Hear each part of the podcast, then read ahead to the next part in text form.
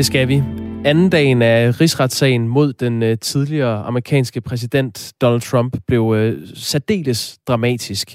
Øh, anklagerne forsøgte at bevise, at Trump har øh, opildnet til det her øh, angreb på kongressen, der fandt sted den 6. januar, hvor uromager stormede kongresbygningen, imens øh, kongressen officielt skulle bekræfte Joe Biden som vinder af præsidentvalget i USA.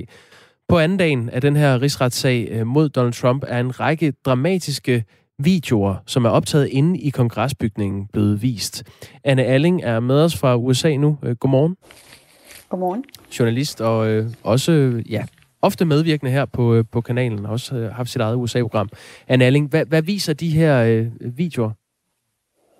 Jamen, det er en, øh, en række videoer for, for Capitol Hills øh, overvågningskameraer, som giver os sådan et, et anderledes overblik, end, øh, end hvad der har været før, hvor vi jo især altså har set videoer fra de her voldelige demonstranter selv, når de har lagt deres videoer ud på nettet.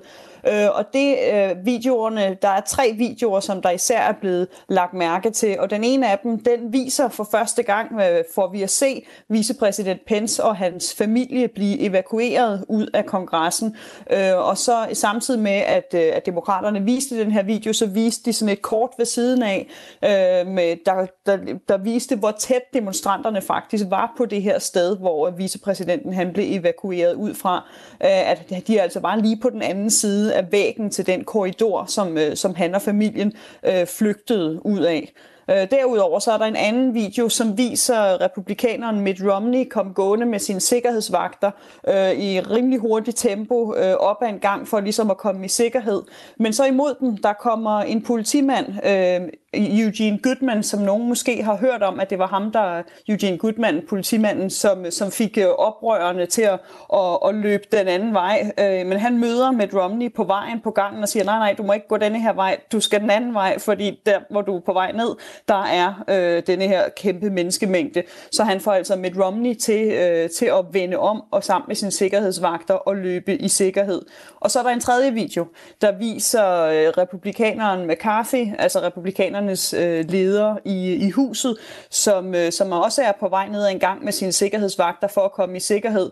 Og så løber de sådan ud af billedet, øh, og så opdager de uden for billedet, at de altså er direkte på vej ned mod øh, den her råbende menneskemængde, vender om, spaner ned ad gangen og, og blokerer døren, som de løber ud af, for altså prøve at forhindre, at menneske, menneskemængden følger, følger efter dem. Så altså alle sammen videoer, som på en ny måde viser, hvor tæt øh, de her voldelige demonstranter altså var på at, at komme i direkte fysisk kontakt med, med altså ja, landets allermest førende politikere.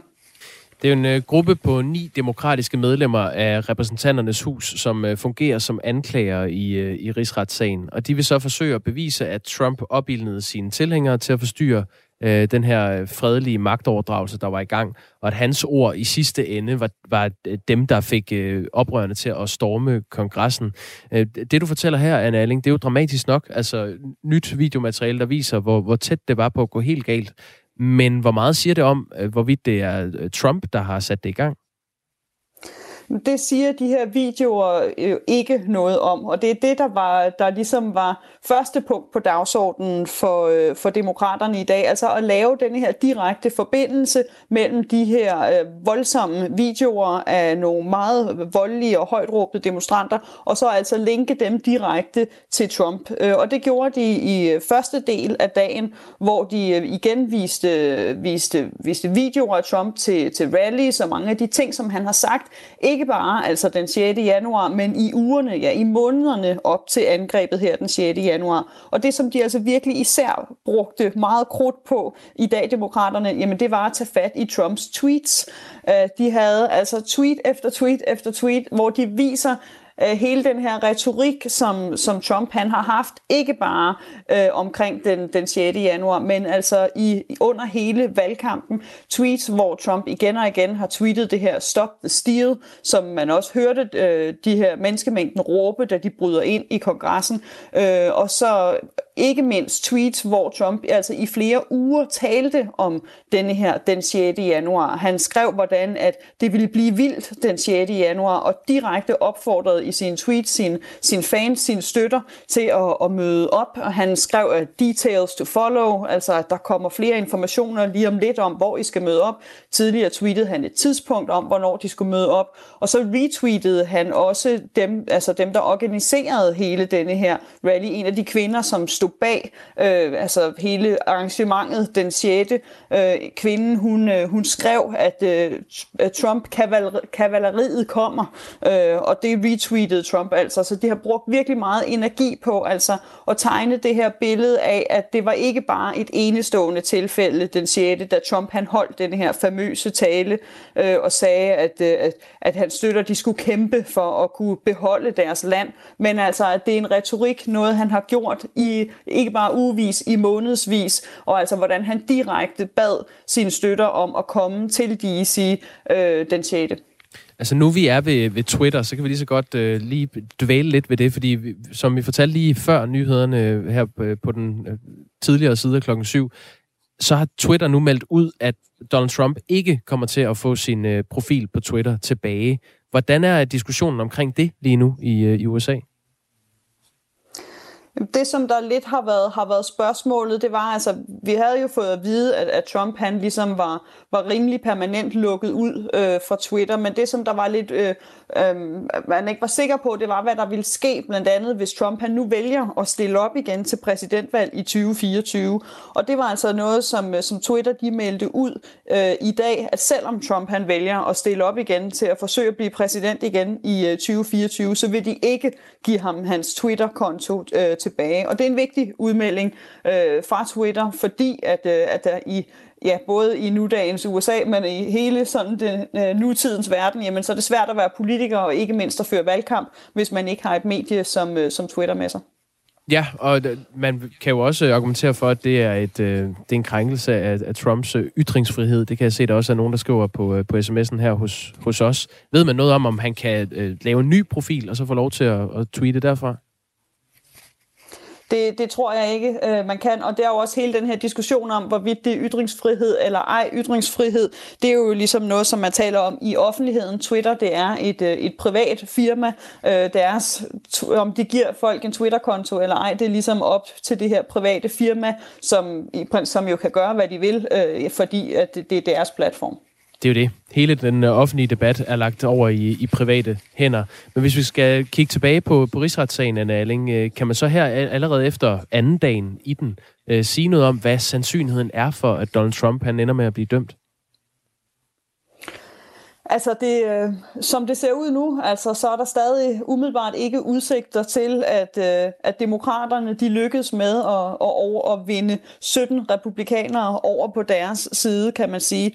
Men det, som de altså virkelig bruger krudt på, øh, både, øh, både i, i den første dag, men altså især her på anden dagen, det er altså det her med at vise to ting. Altså igen og igen understrege, hvordan altså, at Trump, han, det var ham, der fik demonstranterne til at møde op. De viser igen og igen klip, lydklip af, af demonstranterne, som, øh, som faktisk siger direkte til politibetjente inde i kongressen, at det er din leder, der har bedt os om at komme. Det er Trump, der sagde, at vi skulle være her.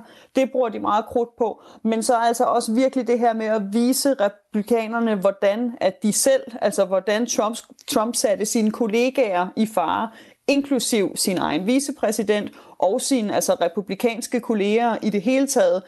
Og det gør demokraterne for at gøre det så svært som muligt for republikanerne og stadig, efter at have set alt det her, stadig stemme mod, imod en, øh, en rigsretssag. Altså gøre det så tydeligt som muligt for, for både politikerne, men jo også for, for alle de amerikanere, som, som sidder og ser med, og det er de amerikanere, som måske bare får overskrifterne i, i aftennyhederne, men altså at gøre det så svært for republikanerne som muligt øh, at argumentere for, at de stadig kan stå bag en præsident, som har sat øh, Øh, sine kollegaers og altså deres eget liv i fare. Det er i hvert fald det, demokraterne gerne vil bevise. Og en af de sidste ting, som de havde med i, øh, i går i rigsretssagen, det var også at vise, hvordan Trump han ikke kom, kom, øh, kom politikerne til undsætning, da det her øh, det stod på. Øh, der var flere republikanske politikere, som faktisk udtalte sig til pressen, mens at angrebet stod på og sagde, at nu må Trump bryde ind. Han må komme ud og sige, at nu skal de her demonstranter gå hjem, for de lytter kun til ham.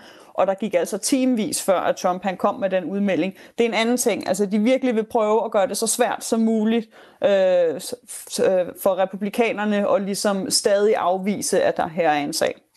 Og der er lige kommet en, øh, en helt frisk nyhed ind. Øh, nyhedsbyrået Reuters skriver ifølge Ritzau, at flere republikanere nu vil bryde ud af partiet. Øh, ved du noget om, hvorfor de vil det, Anne Erling? Jamen, det er jo hele denne her kæmpe debat, som, øh, altså, som faktisk egentlig har, har foregået i, i samtlige fire år, øh, Trump han sad på magten. Øh, vi har jo længe talt om de her never-Trumpers, altså republikanere, som, som har været trofaste republikanere hele livet, men som ikke mener, at de kan være republikanere under Trump, fordi partiet har ændret sig, føler de. De føler ikke, at Trump han repræsenterer det republikanske parti, som de står for. Så der har været et oprør længe om, hvad skal der ske med de her republikanere, som ikke længere føler sig hjemme i det republikanske parti. Og her er blandt andet øh, altså tidligere ansatte i begge Bush-regeringerne, også tidligere ansatte øh, fra, fra Reagan-regeringen, øh, hvad hedder det, altså tidligere karriere-republikanere, som nu altså er ved at sætte sig sammen for at diskutere, om man kan starte et tredje parti. Nyheden, der er kommet ud, handler om, at 120 tidligere øh, republikanere, om de så er politikere eller embedsmænd, eller at de har samledes på Zoom og ligesom diskuteret muligheden for, hvad skal der ske nu, fordi de altså føler, at de ligesom ikke længere føler sig hjemme i det republikanske parti. Og der kom faktisk også i går en ny meningsmåling, som måske kan give dem endnu mere argument for at gøre, som de gør, der viser, at øh, opbakningen blandt amerikanerne til det republikanske parti faktisk også er faldet ret voldsomt siden november. Øh, opbakningen er nede på 37 procent nu, i modsætning til 43 procent, mener jeg det var, i november, som altså viser, at også vælgerne ikke er tilfredse med det republikanske parti. Om det så er, fordi de mener, at det republikanske parti ikke er Trump-agtigt nok længere, eller om det er, fordi de mener, at det republikanske parti er for Trump-agtigt stadig, så er der i hvert fald et, en splid her, hvor øh, der altså er nogen, øh, der nu mener, at det er tid til, at man måske bryder ud øh, og laver et, et tredje parti, øh, som jo vil være meget, meget historisk i det her ellers amerikanske topartisystem. Ja, fordi det kan jo godt være, at der måske øh, er lidt bund i at lave et nyt parti. Øhm, altså meningsmålingen, der måske kan give noget, noget sådan øh, medvind i de bestræbelser. Men hvor kompliceret er det at starte et øh, nyt parti op i USA? Vi har jo blandt andet set øh, Tea Party-bevægelsen, som jo aldrig rigtig fik sådan luft under vingerne. Altså sådan rent, øh, hvad kan man sige, logistisk kan det sagtens lade sig gøre. Der er også andre partier allerede nu, som, som vi bare aldrig rigtig hører om. Øhm, der, der er blandt andet det grønne parti, som også havde nogle kandidater med på stemmesedlen. Så på den måde kan det godt lade sig gøre. Det er mere det her med altså overhovedet nærme sig og få nok stemmer til, at, øh, at det batter noget. Vi så jo også øh, Kanye Wests øh, famøse birthday party, som han forsøgte sig med her til sidste valgkamp. Så på den måde kan det godt lade sig gøre, men det, hvordan man får stemmerne er det helt store spørgsmål.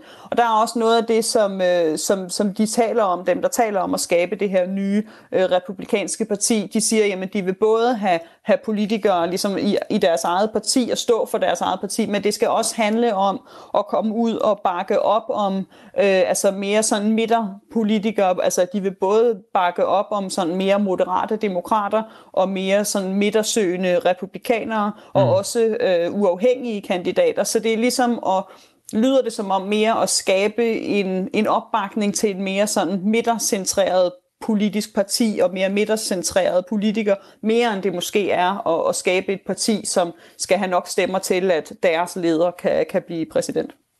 Anne Alling, øh, helt kort her til sidst. Vi har bare lige fået en sms, mens vi taler med dig fra en, der underskriver sig The American, som skriver, at demonstrationen var faktisk planlagt til den 22. Det var Trump og hans folk, der fik tilladelsen til den 6. Er det, er det rigtigt? Det var også op til, til rigsretssagen i dag faktisk. I, øh, i kort blev det nævnt, at, øh, at, at om Trump, hvorvidt Trump-administrationen og Trump selv har haft en finger med i spillet til at få rykket denne her event, eller hvad man skal kalde det, til at, at foregå den 6. Det var ikke noget, som, som, som de kom meget i dybden med i dag. Det kan være, at de gør det senere. Men mm. jo, det var også et, et argument, der bliver givet til at altså endnu mere øh, bevise, understrege, at Trump han altså virkelig har været med inden som, øh, som motor til at få det her til at ske, og få det til at ske på det her voldsomt kritiske tidspunkt, som den 6. jo var, fordi det var den dag, at valgresultatet det ligesom endelig skulle mm. underskrives øh, i kongressen.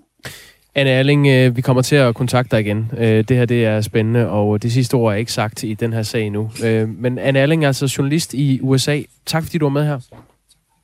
Velkommen. 20 minutter over syv er klokken blevet her i Danmark.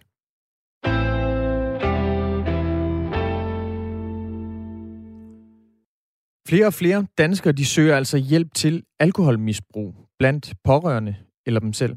Det bekræfter en række behandlingscentre over hele landet, som Radio 4 har været i kontakt med. De fortæller, at der siden starten af pandemien har været et stigende antal, hen, antal henvendelser fra misbrugere. I de fleste tilfælde, der drejer det sig altså om velfungerende borgere, som altså har et alkoholproblem. Også Alkolinjen, som giver anonym telefonrådgivning om alkoholisme, fortæller, at de har fået 50% flere henvendelser i 2020, end de havde i 2019. Og så kan jeg sige godmorgen til dig, Thomas Banke. Godmorgen. Du er chef for jura og kommunikation på behandlingscenter Stien i Vojens. Hvordan oplever I, at flere nu søger misbrugsbehandling? Jamen det oplever vi jo ved, at øh, der er en større frekvens, øh, især hen på aftentimerne, øh, i forhold til folk, der ringer og spørger om de forskellige muligheder, der er for at få hjælp. Vi har en døgntelefon, vi er et privat øh, tilbud, øh, og vi har en døgntelefon, man altid kan ringe og få øh, gratis anonym rådgivning på, og der er selvfølgelig også mange, der benytter sig af den, for at høre, hvad mulighederne er for at få hjælp til at håndtere deres, øh, deres øh, stigende eller, eller egentlige alkoholmisbrug. Ikke? Altså, fordi jeg, jeg vil sige, det er sådan to forskellige øh, slags henvendelser, der kommer. Der er selvfølgelig dem, der har fundet ud af, eller som nu kom til en eller anden form for erkendelse af, at de har rent faktisk et ret stort problem med alkohol. Øh, og så er der dem, som øh, måske hele tiden har haft et ret stort problem med alkohol, men hvor det nu er synligt for alle andre, fordi der har været de her nedlukninger, øh, og fordi der ikke er det samme, hvad kan man sige, der er ikke de samme sociale lommer, man, man bevæger sig i så, så hyppigt under, under den her coronakrise. Det betyder, at det bliver mere synligt for de nærmeste pårørende, øh, Øh, ægtefæller, børn og lignende, øh, at man måske har haft et meget stort problem, eller har et, et øget problem. Ikke? Er det så øh, din fornemmelse derude, at det er fordi, at folk har skruet op for deres alkoholindtag, eller er det bare blevet mere synligt over for familie og, og pårørende? Ja, det er et godt spørgsmål jo. Øh, altså, jeg synes jo, man skal... Øh, jeg, jeg tror, det er en god blanding af begge dele. Så det er lige en umiddelbar mavefornemmelse. Men det er en mavefornemmelse, fordi vi kan først udtale os, tror jeg, sådan rigtig sikkert om det her, når vi er lidt mere på den anden side af, af coronanedlukningen, og, og der er flere, der har været igennem de her forløb her. Og der går vi jo også ind, og i forhold til det enkelte forløb nede ved os, og det, det vil jeg vurdere, at man også gør andre steder, øh, der går vi jo ind og vurderer, hvad er det, der har ført til den her øh, historik, som, som har, øh, har været så problematisk, at du skulle i behandling. Ikke? Det er jo helt afgørende, når man laver behandling, øh, at man, man øh, går ind og bearbejder de øh, årsager, der er til, at, at det er kommet. Og der vil det jo også stå klart, at det er noget, der er intensiveret under den her nedlukning her. Det er frustrationer, som følger af de her færre muligheder som frit menneske i Danmark, eller, eller er det bare ikke bare, men er det, er det noget, der har ligget hele tiden, og nu er det bare blevet synligt, fordi nu er der ikke længere de her små frirum i form af påskefrokoster, julefrokoster, øh, havefester, hvor man sådan kan falde lidt ind blandt andet alkoholindtag og andres alkoholindtag. Altså nu er man primært derhjemme, og det betyder, at dem, man er mest sammen med, de ser måske mere af en, end, øh, end de gjorde, da, da, de, øh, da det der sådan normale sociale liv fungerede. Ikke? Vi har altså talt med fem behandlingscentre her på, på Radio 4, som øh, samstemmende fortæller, at de øh, oplever, at flere søger misbrugsbehandling under coronapandemien øh, her end, end tidligere. Øhm, kan du ikke fortælle lidt om Thomas Banke, som altså arbejder på behandlingscenter Stine i Vojens? Hvad er det for sådan en uh, arketype, som I ser kommer meget mere nu? Jo, jeg skal lige sige, det hedder jo Stien. Og Stien? Ikke Stien. ja, det er klart. Stien. Ja, det er jo ikke ja. det er for at ret for meget på dig, men vi, det er vi skal sige det retligt. Ja, lige det er præcis. godt. Jo, altså det kan jeg sagtens. Det er, det, det er nok en ty, altså det er typisk en person, som måske ikke har været særlig øh, bekendt med behandlingssystemet før. Altså det er en person, som, som ikke er den der klassiske misbruger. Det er måske en person, som har passet et arbejde i mange år, som som hvis, hvis du og jeg kørte en tur ned ad en villavej, så kunne vi have mødt pågældende og have oplevet en helt, familie, en helt almindelig familiefar, øh, en helt almindelig familiemor. Altså det er typen, som måske øh, ikke normalvis vi komme ind i, øh, i det her, og, og derfor kan der jo også godt måske lægges til grund, at den, den her situation har fået folk til at intensivere et givet forbrug, misbrug af alkohol. Men, men det er en type, som, det kan, som jeg tror, de fleste vil synes er langt fra ordbogens diktat om en alkoholiker. Øh, så, så, så det, det, det, det, det tror synes jeg er meget fair. Det er folk, der ikke normalvis er i kontakt med det her system her. Øh, og det er også, altså man, det er jo en af grundene til, at vi har en anonym døgnbehandlings, øh, eller en anonym døgntelefon. Det er jo, at man, vi ved, at rigtig mange er rigtig kede af at tale om det, de inderst inde godt ved, når det bliver et problem, nemlig at de drikker for meget, og det bliver et problem for deres, øh, deres, øh, deres, deres omverden. Og jeg tror, det, der kendetegner mange af de her personer, det er, at omverdenen er blevet mere opmærksom på deres problemstillinger. Og med omverdenen mener jeg de nærmeste pårørende. Der er simpelthen ikke længere de her steder, man kan tage ud og indtage sit alkohol, fordi samfundet er lukket ned, så nu sidder man derhjemme. Og, og jeg vil sige, når man sådan følger alt den her, øh, hele den her nedlukningsdiskussion, så kan man jo også se, at der er rigtig mange børneorganisationer, der er bekymrede for, at de udsatte børn, der er i udsatte familier, de er faktisk blevet endnu mere udsatte under de her nedlukninger, fordi de er tvunget til at være mere hjemme, og det er vel egentlig det samme med mennesker og, og alkoholisme. Altså, de er mere hjemme, de er mere med deres familie, og nu ser man nogle flere sider af sig selv. Øh, det er ikke sikkert, at det har ændret sig så meget, men, men, øh, men jeg tror, jeg tror det er blevet mere synligt øh, under den her nedlukning. Og så kan man sige, så er det måske faktisk en, en positiv ting, nu? Altså den her hjemmelse, den, den gør måske, at flere søger hjælp, fordi det går op for deres pårørende, at de rent faktisk har et problem. Eller hvad? Ja, altså det kan man, sådan, kan man jo godt anskue det, øh, medmindre det er jo det jo er fordi, at, at, at alkoholmisbrug er blevet meget værre på grund af nedlukningerne. Mm. Øh, og det skal jeg ikke, øh, det synes jeg er en politisk diskussion, som der øvrigt kræver noget mere øh, grundlæggende tal øh, på, på det hele først. Så den, den vil jeg ikke gå så meget ind i. Om det, om det ligefrem er positivt, det kommer jo an på, om man kan få det rigtige behandlingstilbud. Altså, det, det er jo positivt i den, al den stund, vi kan hjælpe nogle flere mennesker, der om ikke andet havde potentiale for at udvikle alkoholisme. Øh, men, men det kræver jo også, at vi kan tilbyde det rigtige øh, behandlingstilbud. Øh, og det kræver jo også, at den efterspørgsel, der så er, kan imødekommes med et øh, kvalitetssikret udbud. Øh, og, og der kan man jo sige, at hvis alle behandlingssteder og det offentlige, de offentlige behandlingstilbud, som jo har en pligt til at tilbyde en, en, en, en hver, der henvender sig i en eller anden form for behandlingstilbud inden for en eller anden given frist, hvis de bliver for hurtigt belastet af efterspørgsel, jamen så er der jo også nogen, der måske er motiveret til at gå i behandling lige nu, som, som ikke, ikke kommer der alligevel af forskellige årsager. Og så tror jeg, at det er vigtigt at være opmærksom på, at det, det er forskelligt, hvad der virker. Øh, for nogen der er døgn, et døgnbehandlingstilbud, et intensivt døgnbehandlingstilbud, øh, som engangstilbud over en periode på typisk 5-6 uger, det er det helt afgørende rigtige at gøre. Og så er der andre, der skal i samtaleforløb, motivationsforløb, så, så jeg synes, man skal være meget opmærksom på, at hvis vi har den her mulighed for at hjælpe flere, end vi normaltvis kan, i lyset af den her øh, krise, så skal man også bare være spids på, at vi, vi skal kunne tilbyde de rigtige øh, kvalitetstilbud for at få succes med det. Thomas Banke, har I, er I øh, fuld booket på, øh, Ja, det er meget tæt på. Ja, det er meget tæt på. Altså, vi, vi har altid forsøgt at, at have en eller to akutpladser, døgnpladser, øh, øh, stående til de, som øh, det kan være en kommune eller en anden samarbejdspartner, som, som rigtig gerne vil have en ind. Og, og der ved vi jo, at tid er afgørende. Altså tid er fuldstændig afgørende. Når folk, de, når mennesker de vil, de vil i, i behandling for deres misbrug, så er det fuldstændig afgørende, det sker, når deres motivation er til stede. Og den kan ændre sig meget hurtigt, så det kan ikke nytte noget, at vi har ventelister på flere uger. Øhm, der kan vi altså risikere at, at svigte mange af dem, som er motiveret til at komme ind.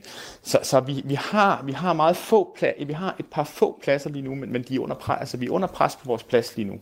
Der er rigtig stor efterspørgsel. Øh, og der er rigtig mange af dem, som vi ikke lige taler om her, altså øh, øh, ikke lige de her mere umiddelbart velfungerende personer, men også rigtig mange andre inden for misbrugsverdenen, som har brug for hjælp, og som måske har brug for mere hjælp lige nu under de her nedlukninger, end de plejer her. Thomas Banke, chef for jura og kommunikation på Behandlingscenter Stien. Tak fordi du var med. Selv tak. God dag. God dag. Øh, og det er altså ikke kun øh, behandlingscenter, der oplever den her stigning. I næste time, der skal vi tale med psykolog Helle Lindgaard. Hun har særlig ekspertise inden for misbrug og familie med alkoholproblemer, og hun får flere opkald end tidligere fra misbrugere eller pårørende. Vi skal selvfølgelig tale med hende om, hvordan en nedlukning kan føre til, at flere går i misbrugsbehandling eller søger hjælp på andre måder. Mere om den historie i, i næste time. Vi nærmer os et øh, nyhedsoverblik her klokken halv otte. Øh, på den anden side af det skal vi øh, fokusere på, at man som bloddonor øh, betragtet, at man får normalt tjekket, om man har jern nok i blodet, om man har en smitsom sygdom, eller øh, det kan være hepatitis eller øh, HIV. Men man får også tjekket, om man har en overstået coronainfektion, altså om man øh, har corona-antistoffer i blodet. Og øh, der er kommet dukfriske tal fra øh, bloddonorerne, og hvordan det billede ser ud. Det kan faktisk hjælpe os øh, til at forstå den igangværende pandemi. Mere om det på den anden side af nyhederne.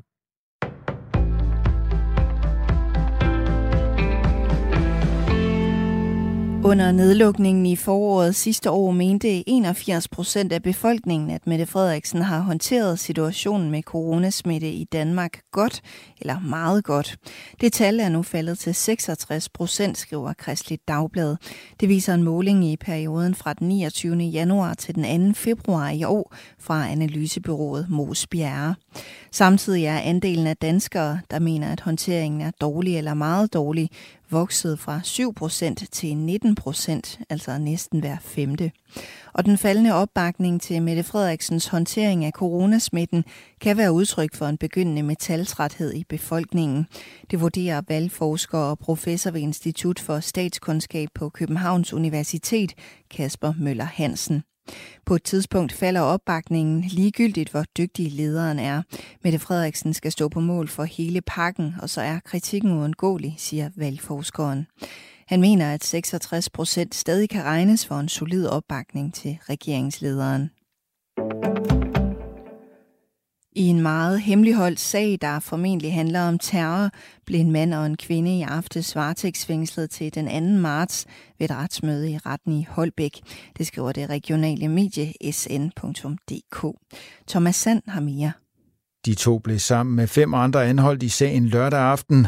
Mens de øvrige fem blev varetægtsfængslet i et grundlovsforhør i Roskilde søndag, fik manden og kvinden deres anholdelse opretholdt i tre døgn.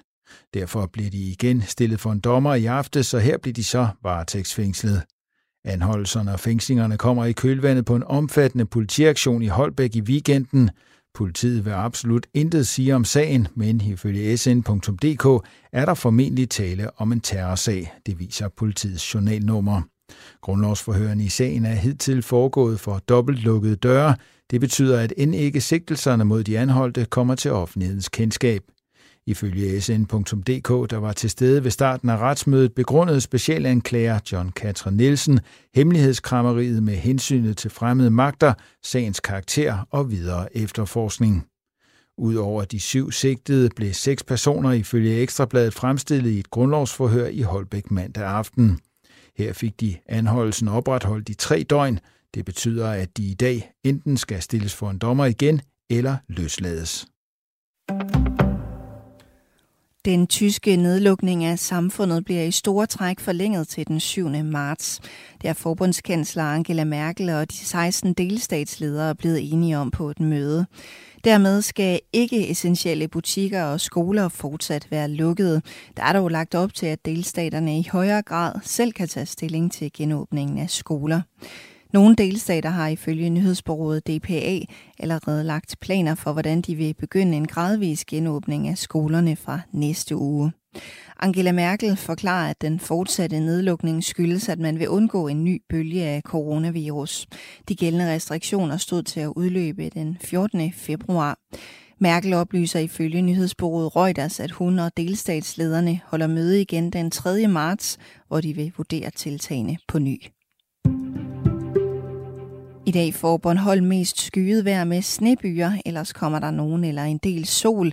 Temperatur mellem 2 og 5 graders frost, og vinden den bliver svag til frisk fra nordøst og nord, og så er der risiko for is og sneglatte veje rundt i landet. Det var nyhederne i denne her omgang med mig, Signe Ribergaard Rasmussen, og dem er der flere af igen, når klokken bliver 8.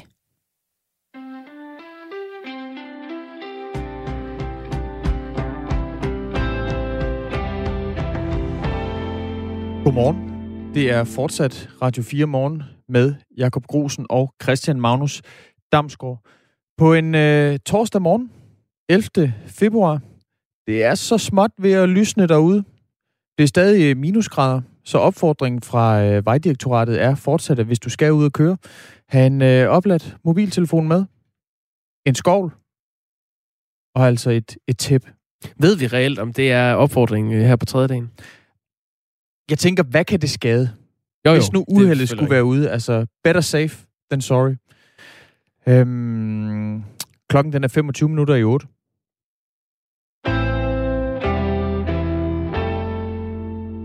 Når du går ned i blodbanken og donerer blod, så bliver dit blod i øjeblikket tjekket for, om øh, du har haft coronavirus. Og nu viser de seneste tal, at cirka 8% af bloddonorerne, det vil sige øh, hver 13.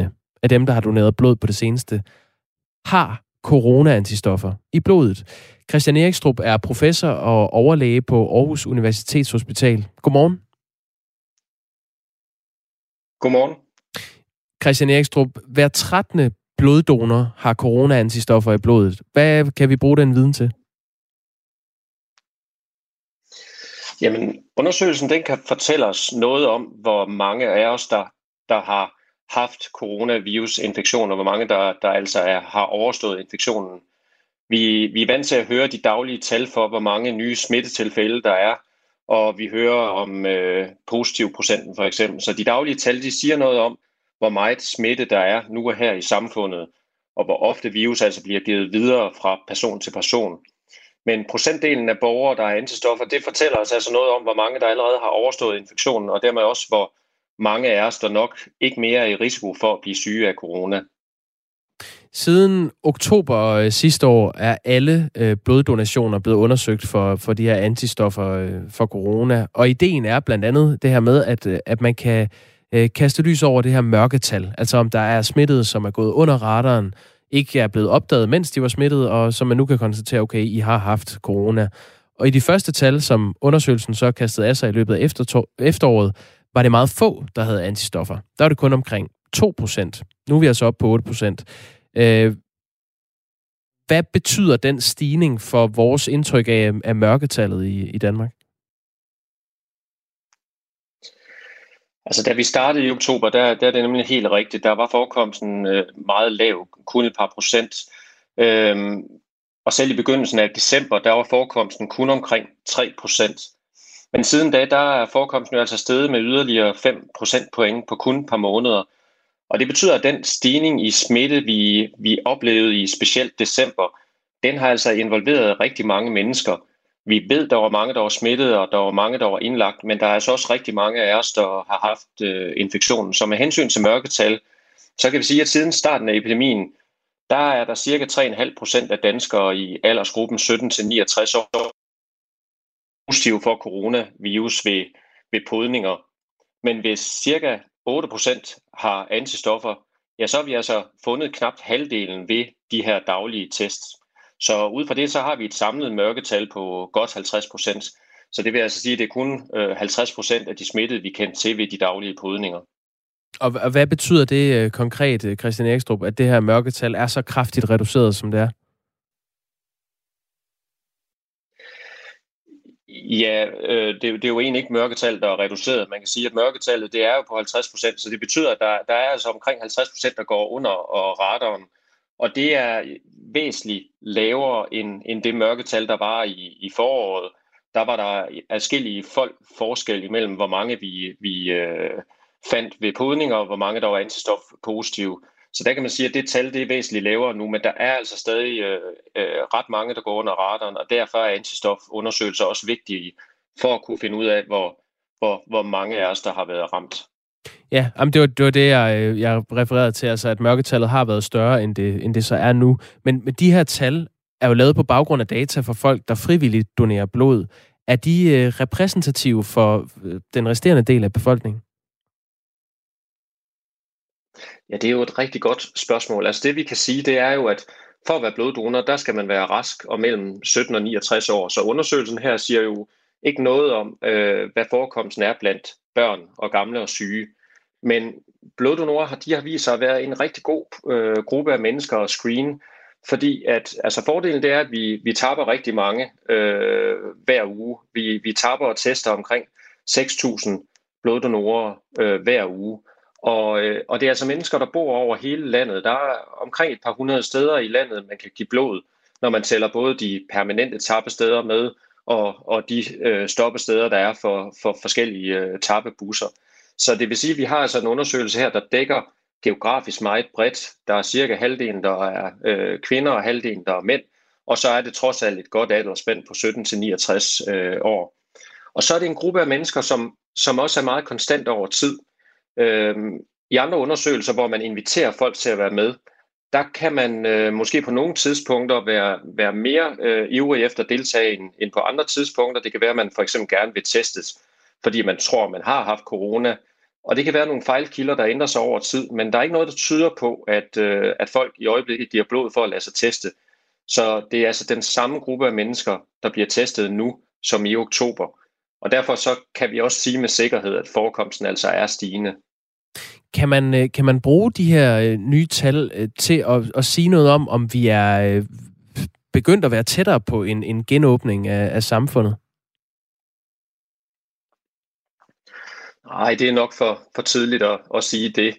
Øhm, når man danner antistoffer, så det, det som, øh, det som antistofferne altså bliver, bliver brugt til i kroppen, det er, det er kroppens øh, respons, vores immunforsvars respons på infektionen, og de her antistoffer, de er jo så altså klar til at, at, øh, at angribe øh, ny virus, der kommer ind i kroppen på os, så vi formentlig er, er, øh, er immune. Øhm, men da det jo trods alt kun er, er 8% af os, der er immune, så er det jo ikke nok til, at, øh, at vi har det, man kalder flokimmunitet. Øh, så der må man sige, at der er det altså vaccinerne, der skal, der skal hjælpe os op på et, et øh, højere niveau. Men man kan sige, at 8% det er så mange, at det faktisk nu skal tages med i betragtning, øh, at, at det ikke er alle øh, af os, der, der rent faktisk er modtagelige for infektion. Det er øh, interessante øh, fund. Du skal have tak for lige at udlægge dem her i radioen, Christian Erikstrup. Selv tak. Professor og overlæge på Aarhus Universitetshospital. Og det var altså de seneste tal, der viser, at cirka 8 procent, det vil sige hver 13. der har doneret blod på det seneste, har haft corona. Vi var jo også lidt i går på den her historie om øh, kontakttallet for den britiske coronamutation, altså den B117. Øh, og det lå på 1, ikke? eller 0,99. Ja. Øh, og vi er jo øh, mandag, der åbnede vi 0. til 4. klasse. Øh, vi talte i, i den her uge, der har vi også talt med blandt andet Per Larsen fra Konservativ, som agiterede for, at vi skulle se på, hvordan vi kunne åbne efterskoler og højskoler. Jeg tror også godt, øh, nogle af de liberale erhverv han, ja, ville han, han var... også øh, godt have åbnet. Øhm, Viggo Andreasen, lektor i matematisk epidemiologi, han, øh, han drøser altså lidt, øh, lidt malurt i det bære. Øh, han, han, har, øh, han har haft tallene nede, i, øh, nede på lommeregneren. Mm. Øhm, og han spår, at det næste kontakttal for den britiske mutation, det vil ligge et sted mellem 1,25 og 1,3. Og det er for højt. Det siger han til, til DR Nyheder. Det, er altså, det vil sige øh, med, med menneskesprog, at 10 procent vil, øh, eller ja, hvis der er 10 øh, coronasmittede, så vil de øh, smitte 13 Ja, nye. præcis. Lige præcis. Øh, og så siger han også noget andet, som sådan øh, godt kan tage lidt øh, modet fra en i en øh, sådan øh, mørk øh, og vinterkold februar. Det er, at øh, vi er simpelthen tættere på flere restriktioner end på at lempe. Shit. Det er, ja, ja der, der er selvfølgelig forskellige øh, meldinger fra forskellige øh, mennesker, som beskæftiger sig indgående med det her, men Viggo Andreasen er en kapacitet på området, som øh, Øh, også har indsigt i særligt det med at knuse tallene, der ligger bag øh, coronaen. Vi kan jo sige, at det med B117, den britiske mutation, der lå på et kontakttal på 0,99, det tog udgangspunkt i nogle prøver, som var taget frem mod den 1. februar. Så der var også en, øh, altså det var gamle tal i forhold til kontakttallet for den almindelige coronavirus. Der er nemlig forsinkelse på, og det er jo også sådan øh, lidt bekymrende i forhold til øh, de restriktioner, vi lever under nu. Altså, der er jo lukket rimelig massivt ned for samfundet. Øh, dem, der kan arbejde hjemmefra, arbejder hjemmefra. Øh, femteklasserne og, og op efter er sendt hjem, og det gør sig gældende for efterskoleelever, højskoleelever, universiteter osv. Og alligevel, så kan vi altså se frem mod, at øh, den britiske mutation her, øh, at dens kontakttal stiger. Og det sker jo så også samtidig på en morgen, hvor vi har fået en melding om, at 14 øh, kommuner ligger under bekymringsgrænsen på, øh, på 20 nye smittetilfælde per 100.000 øh, borgere. Så lige nu ser det sådan set ret fint ud mange steder, men B117, den berygtede britiske mutation, er altså på fremgang. Åh, oh, ja. 16 minutter i 8 er klokken i hvert fald. Ja. Vi skal lige ombord i ham her, Christian Magnus.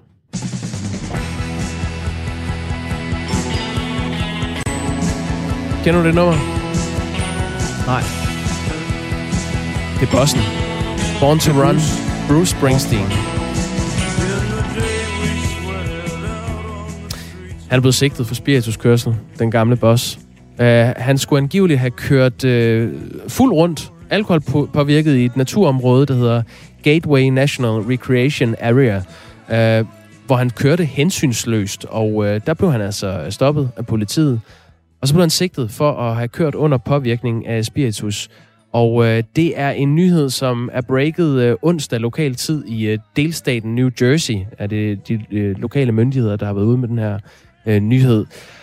Og det falder sammen med, at den her 71-årige uh, boss, Bruce Springsteen, uh, rock and roller, at han netop er aktuel som uh, ansigt for bilproducenten Jeep. Oh. Det er rigtig ah, uheldigt ah, timing. Skidt. Ja. Oh. Jeep har lavet en to minutter lang reklame uh, med Bruce Springsteen, uh, som fik debut under Super Bowl-finalen forleden. Og øh, der ser man altså øh, Bruce Springsteen i midtvesten i USA, og så siger han, at der er, der er håb på vejene forude, og han opfordrer til samling i et øh, splittet land. Jeep har sagt, det ville være upassende for os at kommentere på detaljerne i en sag, som vi kun har læst om. Og mens vi endnu ikke kan øh, uddybe noget, siger en øh, talsmand for, for Jeep, altså en kommentar til øh, den tv-station, der hedder CNBC, men fortsætter, men det er også rigtigt, at vi må stoppe vores reklame fra kampen, indtil de faktiske begivenheder er blevet øh, fastslået.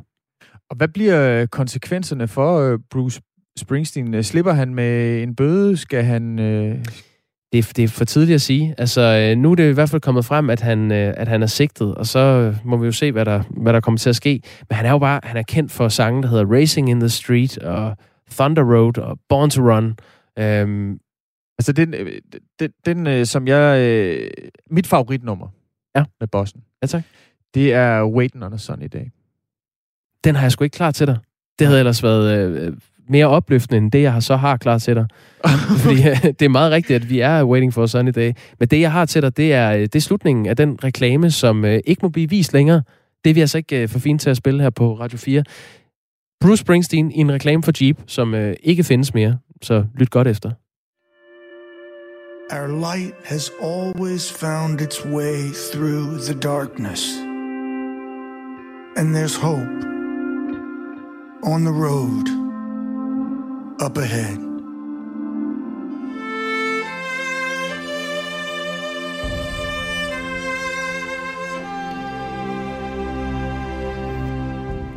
Der er håb på vejen længere fremme, siger Bruce Springsteen, som altså er sigtet for spirituskørsel. Klokken er 12 minutter i 8. Det var der da trods alt lidt sunny day over. Nej. Ja. ikke rigtigt. Nej. 12 minutter i 8. Sidste år der modtog organisationen Red Barnet 251 henvendelser om ulovlige billeder og videoer med børn, der blottede sig foran et kamera. Og det er altså en firedobling i forhold til året før. Selveksponering, det dækker altså over, at børn helt eller delvis blotter deres køn eller brystområde foran et kamera og udfører en seksuel aktivitet. I de anmeldte billeder og videoer, der tyder det altså på, at børnene enten optages i det skjulte, eller tvinges, eller lokkes, eller groomes til at overskride deres egne grænser. Johannes Schmidt Nielsen, godmorgen. Godmorgen. Generalsekretær i, i Red Barnet. Hvorfor er det, vi ser den her markante stigning driver jo Red Barnet den hotline, der hedder Anmeldte. Og på Anmeldte kan man anonymt indsende materiale hvor man øh, ser øh, over, altså overgrebsmateriale på børn, det man tidligere kaldte øh, børneporno. Og det er på den hotline, vi oplever det, du her beskriver, altså en meget voldsom vækst i antal eller mængden af materiale, som lige præcis er børn, der optager sig selv. Og vi kan jo ikke vide med sikkerhed, hvorfor vi ser mere og mere af den her type materiale, men vi frygter selvfølgelig, at det faktum, at rigtig mange børn øh, har stort set hele deres sociale liv foran, øh, foran skærmen, og også har rigtig meget alenetid foran skærmen, ligesom at der er rigtig mange børn, der er ensomme og virkelig har brug for kontakt, at det er en af forklaringerne. Hvem er det, der, der ringer ind på, på anmeldte? Er det, er det børnene selv, eller er det pårørende? Øh, anmeldte er anonym, så der ved vi faktisk ikke, hvem det er, der henvender os. Vi driver to øh, hotline. Den ene hedder anmeldte, og der kan man, hvis man på nettet møder overgrebsmateriale, altså det, der tidligere blev kaldt børneporno, hmm. sende det til os anonymt. Øh, vi fik sidste år omkring 3.000 henvendelser, og det var så omkring 250 henvendelser, som handlede om det her materiale. Der er børn, der optager sig selv i intime situationer. Øhm, så driver vi også slet det. Og slet det Øh, er en rådgivningstjeneste, hvor børn, unge, forældre, og fagpersoner kan få hjælp, hvis de selv har været udsat for krænkelser på, øh, på nettet. Men vi ser altså en stigende tendens til, at der findes det her materiale derude, hvor typisk en voksen i den anden ende har manipuleret, altså udsat barnet for det, der hedder grooming, barnet til at, at gøre øh, seksuelle ting med sig selv og optage det og sende det, måske troet afpresset barnet. Øh, og det er vi selvfølgelig meget, meget bekymrede over. Vi starter nu en kampagne, hvor vi opfordrer alle mennesker, der støder på materiale. Oj der tror jeg, der øh, blev forbindelsen til Johannes Schmidt Nielsen vist afbrudt. Kan du høre mig, øh, Johannes Schmidt Nielsen? Jeg tror simpelthen, der er et opkald, der gik ind og... Ja, det er okay. meget mærkeligt. Åh, oh, er du der nu, Johanne? Ja, kan du høre mig? Ja. Jeg kan høre dig. Det var underligt. Ja, men du, du går i hvert fald klart i, igennem nu. I oplever altså en, en firedobling i, øhm, i, øh, i henvendelser om øh, deling af ulovlige billeder og videoer med, med børn, som altså blotter sig foran en kamera. Når, når I får de anmeldelser her på, på anmeldte, hvad, hvad, hvad er det så for, for en... Øh, hvad er det så for et arbejde, der går i gang fra Red Barnets side? Altså når I sidder med sådan en anmeldelse, som måske er anonym? Det er altid anonymt, det der bliver sendt til os. Og der findes i 48 lande i verden sådan nogle civile, anonyme hotlines, hvor mennesker, som netop møder det her, det kan være på pornosider eller andre øh, steder, møder overgrebsmateriale børn, kan sende det til os, hvis de tænker, ah, det er vist et barn, øh, det her. Jeg tror, der foregår noget, der ikke er i orden. Vi samarbejder tæt med Interpol, med Europol og med Rigspolitiet, og har netop det her samarbejde, fordi der er en del mennesker, som ikke har lyst til at melde det til politiet, men er mere trygge ved at melde det til en civil hotline. Og på vores hotline sidder så psykologer, og andre fagpersoner, som er trænet i at vurdere materiale som det her, og som så samarbejder tæt med, med politiet, fordi formålet er jo dels at få fjernet materialet fra nettet. Altså det er jo sådan et overgreb, der aldrig stopper, hvis det bare florerer på, på nettet, det her materiale. Ikke? Øhm, men selvfølgelig også at forsøge at finde offrene for krænkelserne, altså finde de børn og unge, som er på billederne, og finde øh, overgrebspersonerne. Mm. Hvilken betydning øh, vurderer du, at coronapandemien og hjemmesendelsen har, har haft for, for den stigning her? Jamen, vi vurderer desværre, at det har en betydning. Altså det faktum, at børn sidder mere foran skærmen og er alene og ensomme, og på den måde også sårbare, måske også mere sårbare over for en, en voksen, som rækker ud til dem og viser dem interesse, øh, måske udgiver sig for at være en jævnaldrende. Øhm, øh, både, både Europol og også Rigspolitiet har også været ude og beskrive, hvordan de ser en stigning i mængden af, af anmeldelser, og, og noget af det skyldes forhåbentlig, at flere melder det, der foregår, altså er blevet bevidste om, hvor forkert det er, og også tør anmelde det på en eller anden måde, men, men, øh, men, men vi er nu ikke i tvivl om, at, at øh, eller hvad man sige, alt tyder på, at, at det her faktum med nedlukning og dens konsekvenser også har betydning. Og det ligger jo et kæmpe opgave på os som forældre og som voksne. Vi skal simpelthen blive langt bedre til at tale med vores børn om, hvad der foregår i deres digitale liv, og også være åbne, sådan så de har lyst til at komme til os, hvis de har mødt noget ubehageligt, og for, for alt i verden ikke skælde dem ud. Det er det sidste, de har brug for. Og så har vi også behov for en, en, en stærkere lovgivning, simpelthen. Altså øh, for eksempel at, at kriminalisere det fænomen, der hedder grooming, selvstændig i loven, og sørge for, at vores, vores øh, politi bliver opkvalificeret, altså man bliver dygtigere til at arbejde med øh, hvad det, digitale krænkelser af børn og unge. Ja, for du var lidt øh, selv inde på det her, altså forældrene, hvad man som forældre kan gøre øh, for ja. at øh, ligesom holde sig for øje, at der er en digital verden derude, hvor man ikke altid helt ja. ved, hvad ens øh, børn de render og laver. Hvad, øh, hvad kan man gøre som forældre? Jamen, tre gode råd. Et, vær åben, hvis dit barn kommer til dig øh, og har brug for hjælp. Altså, lad være med at skælde ud. To, løbende at tale med sit barn, interessere sig for barnets digitale liv. Altså ligesom vi spørger til, hvordan går det til fodbold eller i skolen, så få snakket om, hvad, hvad lavede du så øh, på chatten, eller hvem snakker du med, når du spiller, eller sådan, så det bliver en naturlig samtale, og dermed også mere naturligt at række ud, hvis der er noget, der er svært. Og nummer tre, bede om hjælp, hvis der sker noget, som er, som, øh, som er, altså hvis man oplever krænkelser, eller er bange for barnet, eller at nogen har oplevet krænkelser. Man kan kontakte vores rådgivning, som hedder øh, Slet det, og der sidder altså professionelle psykologer, øh, en tidligere special efterforsker, socialrådgiver klar til at hjælpe øh, barnet og familien, øh, hvis man har været udsat for krænkelser på nettet. Johannes Schmidt Nielsen, generalsekretær i, i Red Barnet. Tak fordi du var med her til morgen. Selv tak. Klokken er 4,5 minut i 8.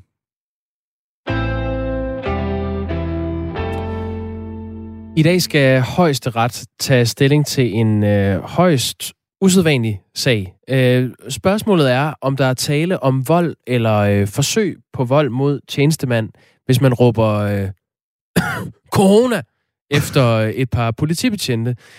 Det er der nemlig øh, en mand, der har gjort. Øh, retten i Aarhus sagde nej, da sagen blev behandlet der. Øh, Vestre Landsret sagde ja, det var et forsøg på vold eller vold mod øh, politimænd, og idømte øh, den dengang 20-årige mand tre måneders ubetinget fængsel. Og nu er det her øh, spørgsmål altså rådet helt op i højesteret. Det, der er sket, er, at øh, øh, i marts sidste år, hvor øh, landet var lukket ned, stopper en politipatrulje i landets næststørste by, Aarhus, en bil på det, der hedder Mindebrogade, hvor en, øh, en mand altså kommer kørende, en beruset mand i sin bil. Han havde fejret fødselsdag. Ja, en beruset mand kommer kørende. Allerede der, der er noget galt. Der var grund til at stoppe ham. Ja. Og øh, så råber han så corona og hoster mod de her to betjente. Øh, han var ikke smittet med sygdommen, har han så selv forklaret, øh, og det skete i en blanding af, af kodhed og, og fuldskab. Men betjente synes ikke, det var morsomt, og øh, han blev altså anholdt klokken 4, øh, halv fire om natten. Og den her sag, den er, har så fået forskellige udfald, alt efter hvor den er, er blevet behandlet. Retten mente i Aarhus ikke, at et øh, host i sig selv kan have karakter af vold. Øh, f- også fordi der var, altså, det er tvivlsomt, der, om der er tale om vold eller forsøg på vold, hvis en smittet person med et host forsøger at, at smitte en anden, fremgik det af dommen fra, fra Aarhus. Halvanden måned senere øh, havde Vestre Landsret så fundet frem til det stik modsatte resultat, og gav den her mand en dom på, øh, på tre måneders ubetinget fængsel. Tre måneders ubetinget fængsel? Den er hård. Ja, den er hård. Det er en hård dom. Uh, ja, det, eller det kan man jo selv tage stilling til, om man synes. Men i hvert fald, øh, så skal den i dag behandles i, øh, i højesteret, og det er bare uh, principielt mega interessant. Ja, det er nemlig principielt mega interessant, for det åbner jo også sådan lidt en ladeport øh, for, om hvis man øh, hoster med andre sygdomme, altså en øh, lungebetændelse, mm. en øh, influenza måske, eller om corona det er så særlig en situation, at den ikke kan danne præcedens for altså, andre om luftbårne sygdomme. Ja, om det er en skærpende øh, omstændighed. Præcis. Vi må simpelthen hænge på og finde ud af, hvad, hvad højesteret øh, kommer frem til. Det er i hvert fald en, øh, en dom, der kommer til at falde i dag på torsdag den 11. februar. Klokken er to minutter i, øh, i 8, hvor der kommer nyheder. På den anden side af de nyheder skal vi øh, ombord i coronavaccinen fra AstraZeneca. Verdenssundhedsorganisationen WHO har jo nu øh, anbefalet, at man giver den her vaccine til personer over 65 år. Ja, og den her anbefaling, det kommer altså efter, at flere lande, blandt andet Danmark, har valgt ikke at give den til personer over 65 år, fordi der ikke har været tilstrækkelig dokumentation for effekten. Men den her udmelding, den gør altså ikke nødvendigvis, at en, øh, en dansk godkendelse af vaccinen til ældre rykker tættere på. Det, det siger blandt andet øh, Lægemiddelstyrelsens Thomas Senderovits her. Det er jo første omgang Sundhedsstyrelsen, der anbefaler, hvordan vaccinen tages i brug. Den, det ændrer jo ikke noget, det ændrer ikke noget som helst for godkendelsesgrundlaget. Så WHO, det er jo et rådgivende organ, det er ikke en myndighed, og, og øh, de rådgiver om noget, som skal gælde hele verden. Han siger altså, at Lægemiddelstyrelsen vil øh, se nærmere på, hvad WHO har, har meldt ud, og det samme har Sundhedsstyrelsen planer om at gøre, øh, siger Bolette Søborg, som er enhedschef i øh, Sundhedsstyrelsen til, til DR.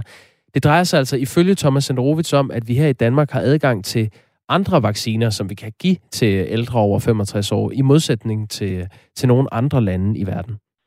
Vi andre har jo uh, Pfizer-BioNTech-vacciner, som, som har testet vaccinerne hos gamle. Dem har vi jo trods alt. Vi har ikke millioner af dem, men vi har dog sådan, at vi kan rulle det ud hos det gamle. Og, og det, det er egentlig baggrunden for, at Danmark har den her tilgang, ligesom mange andre europæiske lande, at der, der har altså ikke været de data, der skal til godkendelsesmæssigt, myndighedsmæssigt, der dokumenterer, at den virker. Det er jo ikke det samme, som den ikke virker. Så lyder det altså fra øh, Lægemiddelstyrelsens øh, direktør Thomas Senderovits om den her vaccine fra AstraZeneca. Vi taler med øh, professor i eksperimentel biologi, Allan Randrup Thomsen, om sagen på den anden side af nyhederne.